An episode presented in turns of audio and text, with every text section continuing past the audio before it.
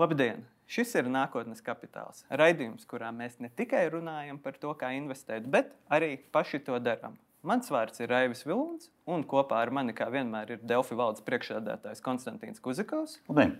Un šodien, noslēdzot tā saucamo peer-to-peer ciklu, mūsu raidījumā mums pievienojas Estate Guru platformas Latvijas vadītājs Aleksandrs Mežapuķa.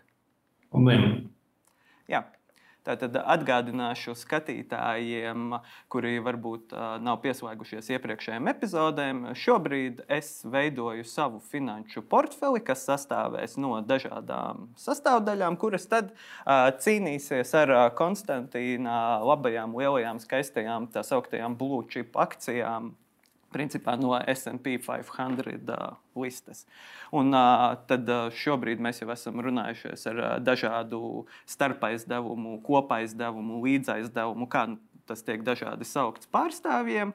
Un uh, šodien, noslēdzot ciklu, mēs parunāsim par uh, aizdevumiem uh, nekustamā īpašuma sektorā, kā tie strādā, kas tie tādi ir un ar ko tie atšķirās no tā, ko mēs iepriekš runājam par aizdevumiem, kas principā finansēja īstermiņa kredītus vai arī kā kapitāla gadījumā uzņēmumus. Tātad, jā, kopumā peer-to-peer, kā jau iepriekšējos raidījumos ir runāts, ir, ja salīdzinām ar citām investīciju platformām, ir ērti un ātri no tehnoloģiskā viedokļa kopumā. Tie bieži vien soli lielāku atdevi nekā varbūt klasiskās akcijas un klasiskie finanšu instrumenti. Un bieži vien šajās platformās, kā mēs esam runājuši arī ar pārstāvjiem, prasa salīdzinoši nelielu investoru iesaisti. Ir dažādi autoinvestīciju rīki vai citi veidi, kā principā tas var kļūt par salīdzinoši pasīvu finanšu rīku. Un mīnusi, protams, ir potenciāli augstāks risks. Arī šie aizdevumi mēdz būt relatīvi īstermiņa. Un dažkārt dažās platformās līdz galam nevar īsti saprast, kā, kur tieši tā nauda nokļūs. Bet uh, par to, kā strādājas State Guru, tad uh, arī tagad. Un tad mans jautājums arī jums, Aleksandr, ir, uh, varbūt uh, pastāstiet, kas ir Estate Guru un ar ko tas atšķirās varbūt no uh, pēc pirmā skata līdzīgiem uzņēmumiem, kā Twino, Mintos un tā tālāk. Jā, paldies, ka uzaicinājāt. State Guru ir kopfinansējuma platforma, kas specializējas uz nekustamā īpašuma aizdevumu finansēšanu. Tātad mūsu platforma Jūs atradīsiet projektus, kur jūs investējat aizdevumos, kas vienmēr ir nodrošināti ar pirmas kārtas hipotēku. Jā, un tāpēc tā ir tā galvenā atšķirība, ka visiem objektiem ir jūsu investīcijas nodrošinātas ar konkrētu īpašumu. Jūs platformā vienmēr atradīsiet tā īpašumu vērtējumu, un vēsturiski tā attiecība, ko mēs finansējam, ir vidēji 60% no konkrēti nekustamā īpašuma vērtības. Hm? Jā, un tad, ko es vēlējos tālāk pavaicāt, ir Proti, kāda ir šī brīža lielākās ģeopolitiskās aktualitātes, Krievijas iebrukuma Ukrainā ietekme uz jūsu nozari? Jo ir finanšu aprindās tiek runāts par to, nu, ka teiksim, nekustamais īpašums var kļūt mazāk pievilcīgs. Cevišķi mūsu reģionā. Es zinu, ka jūs piedāvājat aizdevumus, kā mēs varam arī redzēt šeit bildēs, ne tikai tieši mūsu reģionā, bet kopumā. Vai jūs esat manījuši kaut kādu ietekmi uz uz savu darbu, vai paredzat nākotnē, ka teiksim, piemēram, vietējos Baltijas īpašumos cilvēki vairīsies ieguldīt, jo nu, mēs esam salīdzinoši tuvu šai nu, bīstamajai zonai, kā daži saka. Jā, nu, nevar teikt, ka mūsu situācija neietekmē. Mūsu situācija ietekmē pašā tiešā veidā, bet katrā valstī tā ietekme ir atšķirīga. Piemēram, Baltijas valstīs mēs redzam, ka strauju būvdarbu un būvmateriālu izmaksu kāpumu. Un uh, tas izaicinājums pēdējo mēnesi ir ar mūsu aizņēmējiem sameklēt risinājumus, lai viņi varētu projektus turpināt, uh, attīstīt un uh, līdz galam pabeigt un pārdot dzīvokļus vai komerctelpas. Jā, un ja mēs paskatāmies uz, piemēram, to pašu Vāciju, kur mēs arī finansējam, tur, piemēram, mums portfelī ir diezgan daudz projektu, kas tika finansēti Vācijas austrumu daļā, kur šo, šobrīd ir novērojams diezgan daudz Ukrāņu pilsoņu pieplūdums, kuri konkrēti sāk izmantot īpašumus īrei, izmitināšanai.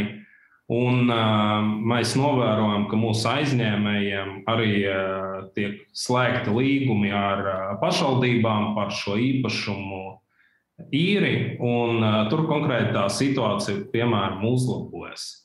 Jā, bet uh, Baltijas valstīs uh, tā ietekme ir, uh, bet uh, pagaidām mēs redzam, ka situāciju sanāks atrisināt visas puses, kas ir iesaistītas procesā, mēģina atrast risinājumus.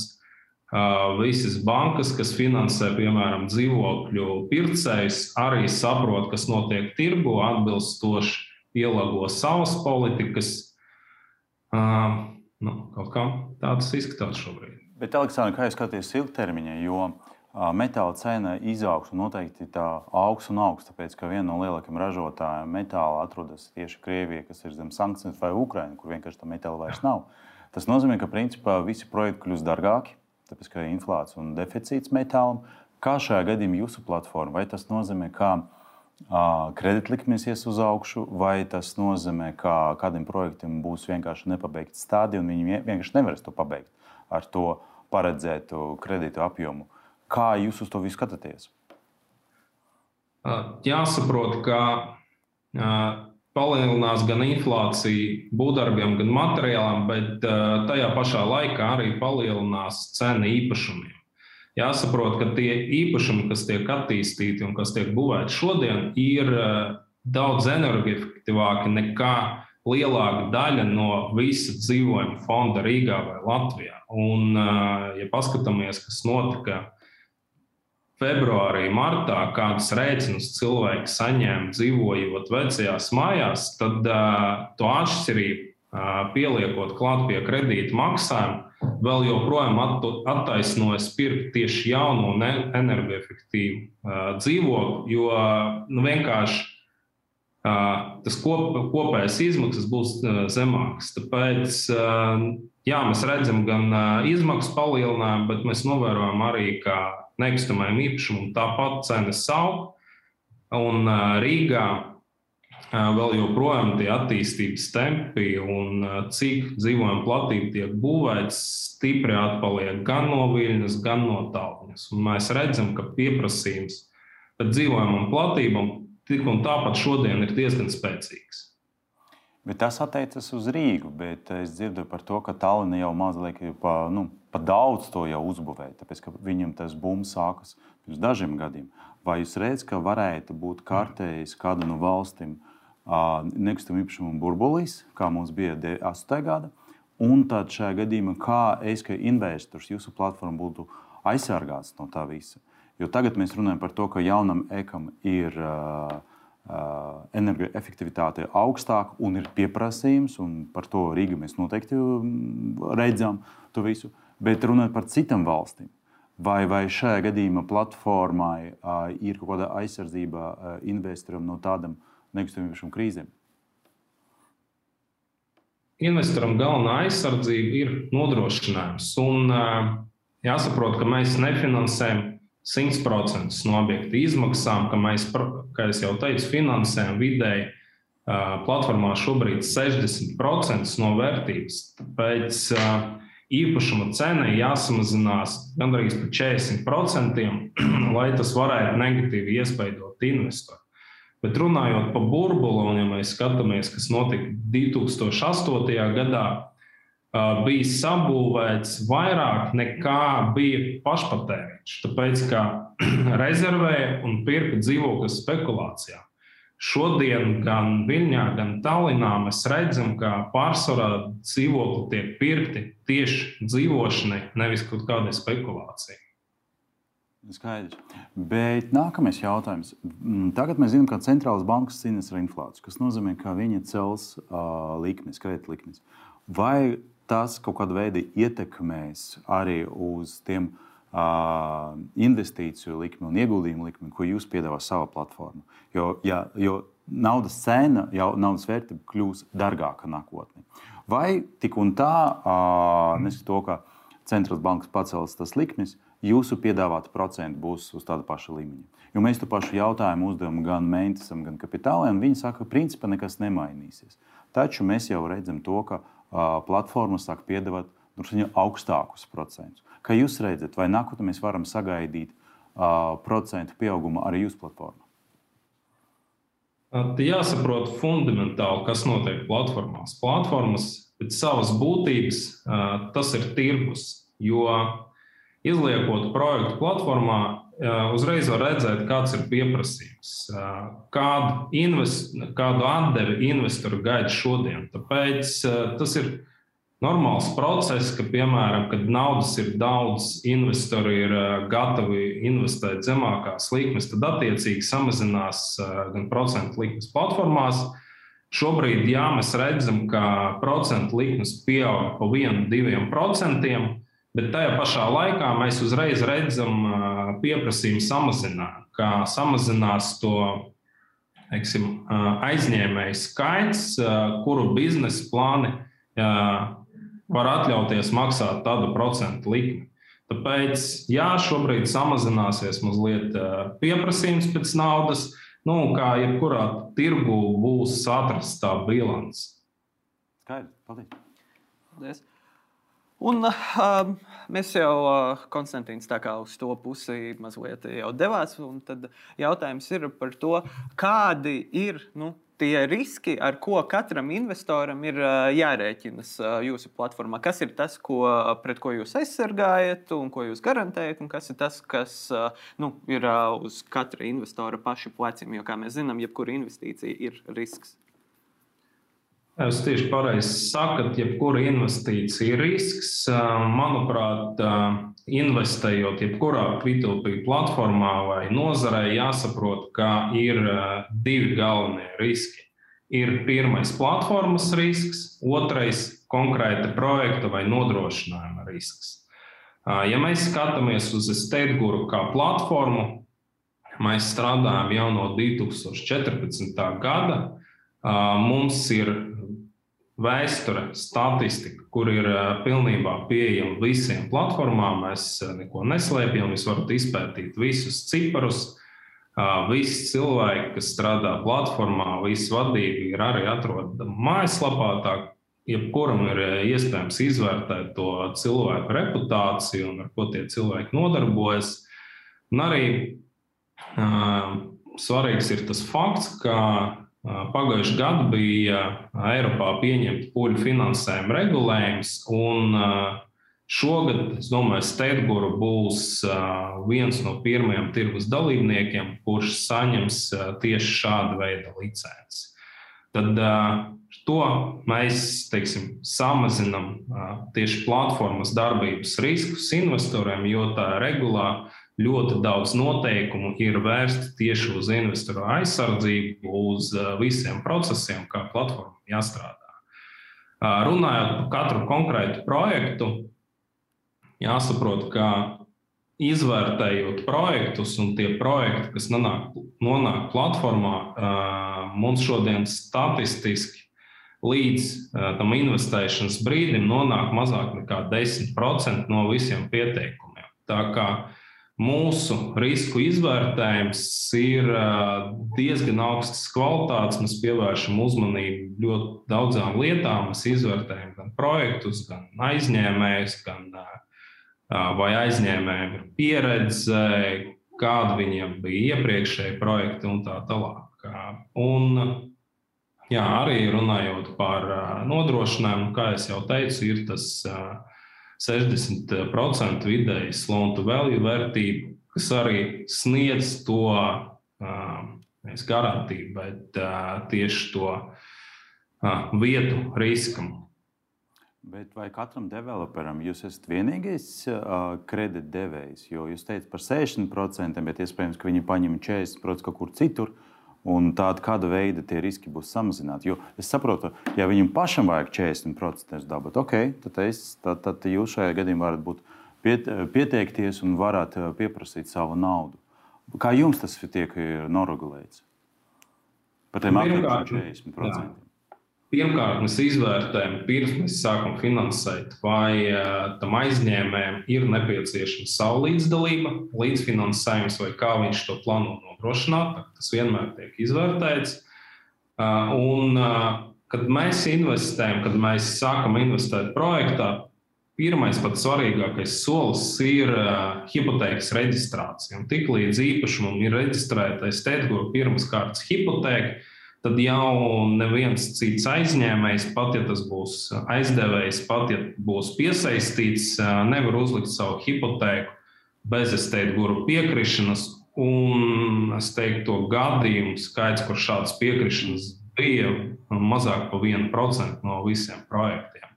Tāpēc tieši tā pirmās kārtas hipoteka nodrošina, ka, ja projekts nonāk piedziņā, tad pirmkārt tiks atmaksāti tieši caur Steigburgu piesaistītie līdzekļi.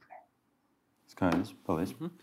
Jūs minējat par to, ka 10% apmēram no visiem pieteikumiem tiek finansēti. Tas ir no visa kopējā estate guru vai tieši jūs par Latvijas daļu runājat? Vai? No visa kopējā, no visa kopējā, ne tikai Latvijas.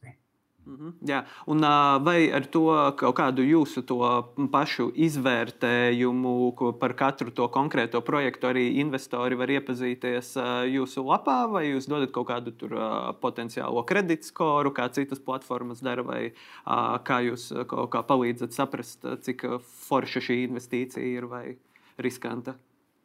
Mēs teiksim, visus savus novērojams un konkrēta aizņēmēja plānus, tas viss ir atrodams projekta aprakstos. Mums nav kaut kāds kredītreitings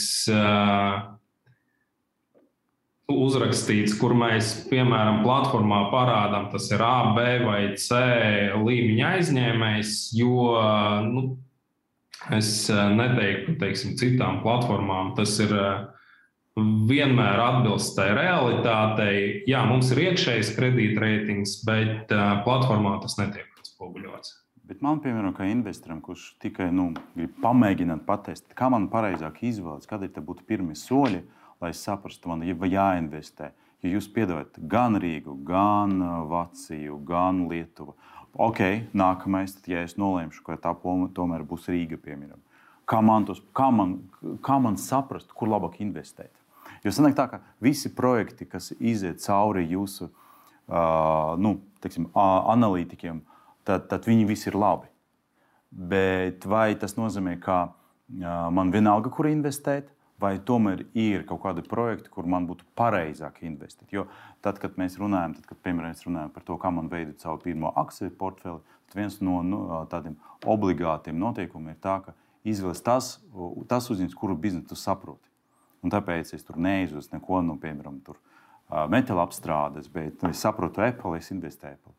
Tad šajā gadījumā tas, ka es esmu Rīga, tas man nozīmē, ka man vajag sekot uh, projektam, kas ir Rīga, vai tomēr nē.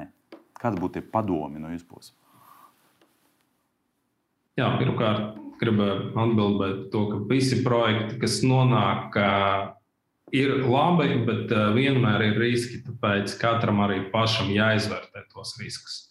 Ja mēs runājam par to, kā izvēlēties projektus, es, piemēram, tāpat, ka jūs, kad es pats investēju, es pieturos pie tā, ko es labāk saprotu. Pēc, piemēram, manā portfelī ir lielāka daļa investēts tieši Latvijas projektos, Rīgā, Mārpē, Salaspīlī, Jurmalā arī, teiksim, man ir tāda pieeja. Bet Piemēram, citi investori, ar kuriem ir, es runāju, viņi pieturās pie tā, ka viņi ieslēdz autoinvestu. Viņi saka, ka mēs izvērtējam statistiku, mēs, uh, labāk, mēs negribam tērēt laiku konkrētām izvēlēm. Mēs uh, uzliekam statistiski, kur mēs redzam, ka, piemēram, tā atdeve var būt labāka vai risks varētu būt zemāks. Un tad jau autoinvests pats investē un uh, neskatās, pat kurās valstīs tas ir. Jā, bet, piemēram, Spānijas investoriem viņiem patīk konkrēti investēt Spānijas projektos. Tas vērojams. Vācijas investori investē visās valstīs, kas ir mūsu platformās. Tā ir diezgan grūti pateikt. Katram, katram ir sava kaut kāda stratēģija, kā izvēlēties. Jāpaskatās arī, kas tas ir par projektu. Jāsaprot, ka, piemēram, ja ir iecilāts mazs dzīvoklis Rīgas vai Tallinas vai Viļņas centrā, tad likviditāte tam īpašumam ir daudz labāka salīdzinot ar zemes gabalu ārpus Rīgas. Un tas nozīmē, ja gadījumā aizņēmējs nespējas atmaksāt, tad uh, tā nodrošinājuma realizācija būs daudz ātrāka. Jo nu, dzīvokliem pieprasījums lielajās pilsētās vienmēr ir ar tiem pašiem zemes gabaliem, kā mēs redzējām, laikam līdz 2013. un 2014. gadam pieprasījums bija diezgan zems. Bet šodien savukārt atkal pieprasījums ir tik milzīgs, ka nevar, nevar cilvēki atrast, kur nopirkt sev zemi priekš privātā būvniecības. Pēc eh, pašam jāizvērtē, jāpaskatās, kādus projektos eh, grib eh, investēt, kādos īpašumos, kādas valstīs. Ja mēs runājam, ja es uzdodu to jautājumu, vai tiksim, Baltijas valstis ir pierobežas valstis ar Krieviju, tas varētu būt risks. Pagājušajā nedēļā mēs runājām ar vienu lielu Vācijas klientu, kurš sākumā tā pieturēja savas investīcijas, bet nu, tieši šonadēļ viņš izvērtējot visu situāciju, teica, ka nu, labi, mēs redzam, ka laikam Baltijā tomēr ir NATO valsts, ka nebūs karš un atsaka investēt. Un tas investors nu, ir vairāk miljonu apjomā investējis. Jūs pieminat divas interesantas lietas. Jūs pieminat, kā dažādi investori un dažādiem valstiem investē, vai ir kaut kāda informācija, kas ir kopīgais investoriem no Latvijas. Tas man ir pirmais jautājums, un otrais jautājums par to autoinvestu. Vai jums arī ir šādas funkcijas platformā? Jā, runājot par Latvijas investoriem, ko mēs novērojam, laikam tas tiek novērots arī citās nozarēs, kas saistītas ar investīcijām Latvijā vispār investē ļoti maz, kā salīdzinot ar to pašu Igaunijas investoru vai uh, Lietuvas investoru. Tāpēc, uh, manuprāt, uh, paldies, ka jūs darat arī šo darbu, ka publiski par to runājat. Mums Latvijā jāsāk investēt vairāk un daudz agrāk. Nevis sāk to darīt, nezinu, 30 gadu vecumā vai 40 gadu vecumā. Uh, To jāsāk darīt 18 gadu vecumā. Un runājot ar Igaunu kolēģiem, hmm, es redzu, ka viņi sāk domāt par investīcijām daudz agrāk. Viņiem 18, 20 gadu vecumā jau ir kaut kāds, labi, to laikam var par āgri sākt par portfeli, bet viņi jau sāk kaut ko investēt. Atbildot par jautājumu par autoinvestīciju, jā, tā funkcija ir.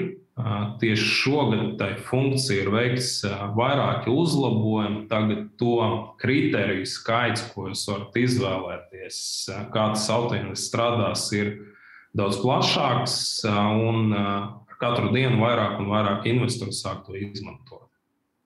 Paldies, gribu drusku precizēt, vai investori no Latvijas, vai viņam ir kaut kāda kopīga, nezinu, uzvedība, vai viņi investē vairāk Latvijā, vai tomēr viņi vairāk investē Vācijā. Jūs pateicāt par to, ka Spāņiem patīk investēt Spānijā, bet Vāciešiem visu, visu, visu, visu Eiropā. Vai mums ir kaut kas kopīgais? Es saprotu, ka mums ir ļoti maz tādu investoru, un mēs cīnāmies, lai būtu vairāk, lai, lai tāpēc arī nākotnes kapitāls, runa par to kapitālu, kas būs nākotnē. Bet kaut kāds kopīgais varbūt ir kaut kādas pazīmes. Kā mēs investējam? Kā? Mēs investējam tik maz, ka statistiku ir diezgan grūti salikt ar tādiem apjomiem. Tāpēc grūti runāt par ieradumiem. Es runāju ar vairākiem investoriem, un ir ļoti atšķirīgi. Ir tie, kas izvēlas investēt tikai Latvijā, jo viņi saprot tirgu. Ir investori, kas saka, ka investēšu jebkur, tikai ne Latvijā. Ir, ir arī tādi, kas uh, uzskata, ka labāk ir Spānijā nekā Latvijā. Tāpēc, nu, grūti pateikt kādu konkrētu lietu, kā investēt, jo viss ir ļoti dažādi. Bet paldies par komentāru, ka mums vēl statistiski ļoti maz.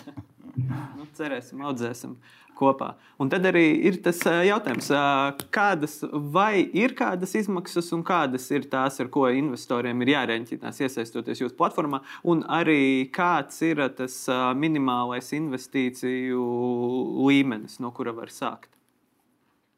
Minimālais investīciju līmenis ir 50 eiro. Tā, jebkurā projektā var investēt, sakot, ar 50 eiro. Izmaksu investējot nav, bet ir izmaksas, kad jūs gribat pārskaitīt naudu no sava steigura konta uz savu privāto kontu. Ir tā tieši pārskaitījuma maksa 2 eiro. Un, ja jūs izmantojat otrreizēju tirgu, kur ir iespējams pārdot jebkuru jūsu investīciju pirms termiņa, pirms uh, sasniedz tas atmaksas, aizdevuma atmaksas termiņš, jūs varat pārdot otrreizēju tirgu, tad tur ir komisija 2%. Bet kas attiecas uz nodokļiem, tad, kad es saņēmu šo naudu, tas investīcijas? Kāda likme uz, jo, ja mēs runājam par akcijiem, tad tur ir tas saucamais ieguldījuma konts. Mēs runājam par ar citiem P2P platformām. Viņi saka, ka ne klasika, tas ir tie 20% no kapitāla pieauguma. Jūsu gadījumā kāds ir tas nodokļu likme, kas man ir jāsamaksā no, no saņemtas naudas? Tas ir atkarīgs no tā, kā jūs investējat. Jo ir atšķirīga likumdošana juridiskām personām un privātpersonām. Tad juridiskas personas izmaksā no platformas jau pašā aprēķina nodokļus, un ja viņi neizņem dividendus, tad tur nodokļus nav jāmaksā. Ja jūs investējat kā privātpersona, jā, tā ir klasiskā schēma. Jūs deklarējat ienākums, un tā būs procentu nodokļu likme no procentu ienākumiem. Mm -hmm. Tikai no procentu. Skaidrs. Paldies. Un, uh, sakiet, vai uh, jums ir uh, apkopot statistika, nu, kāds ir tas vidējais investīciju apjoms uh, jūsu platformā? Nu, Protams, ja 50 ir tas minimālais, un es pieņemu, ka uh, griezti varētu būt droši vien visai lieli, kā, kāds ir tas vidējais, ar ko cilvēki operē? Un cik projektus viņi uzreiz investē? Vienu vai divus vai trīs? Um, lielākā daļa investoru diversificē savus ieguldījumus un labāk iegūt teiksim, mazākas summas, bet vairāk projektos, vairākās valstīs un ļoti dažādu veidu projektos. Vidējs portfelis, jā, tā statistika ir. Es no galvas neatceros, teiksim, visi kopīgi platformai Latvijā, man liekas, tie bija 5000 vienam cilvēkam portfelis un vidējais, nemaldos, tā investīcija vienā projektā bija zem 100 eiro. Hmm. Bet, ja mēs skatāmies citas valstis, ir investori, kas iegulda, ir konkrēti investori, kuriem teiksim, ieguldījums platformā pārsniedz miljonus. Un tad pēdējais, mēs jau visu laiku turpu šurpu nedaudz pieminam par to portfeļu veidošanu un tā tālāk, bet tomēr es tuvojoties sarunas noslēgumam, gribu paprasīt, kādi ir tie ieteikumi, nu, teiksim, pieņemsim tā tīri personīgi, cik, piemēram, projektos jūs ieteiktu jaunam investoram investēt, nu, pieņemsim, ja ir nu, 300 eiro ir atvēlēti jūsu platformai, tad vai jūs ieteiktu sadalīt tos 300 pa 50 uz 6 projektiem, vai kāda, būtu, kāda varētu būt tā stratēģija, kā par to labāk domāt cilvēkam, kas grib nu, sākt? Teiksim, tā mans personīgais viedoklis, ka ir jāsadala. Uh, ir jāsadala tiešām sešos projektos. Uh, Runājot ar citiem investoriem, ir tāds izkristalizējies skaitlis, ka cenšas, lai investīcija vienā projektā nepārsniedz 1-2% no kopējā jūsu portfeļa. Pēc, ja ir iespējams sadalīt uz vairākiem projektiem, es, es arī pats to daru. Es vienmēr sadalu uz mazākām summām. Mhm. Jā. Uh Paldies! Tas arī viss, ko mēs vēlējāmies šodien jums pavaicāt. Skatītājiem es atgādināšu, ka mūsu raidījums ir skatāms katru otrdienu, pulksten desmitos. Un pēc tam Delfi biznesa sadaļā, sākot no 2014. ir atrodams. Un tāpat kā mēs ar Konstantīnu katru pirmdienu publicējam mūsu portfeļu, Konstantīna jau gatavo mana topošā portfeļu aprakstu par to, kā veicas, kā neveicas, kādas ir mūsu stratēģijas. Kā arī raidījumu var atrast jūsu iecienītākajās podkāstu lietotnēs. Teikšu paldies Konstantīnam, teikšu paldies Aleksandram. Paldies! Paldies! Un Visu labu!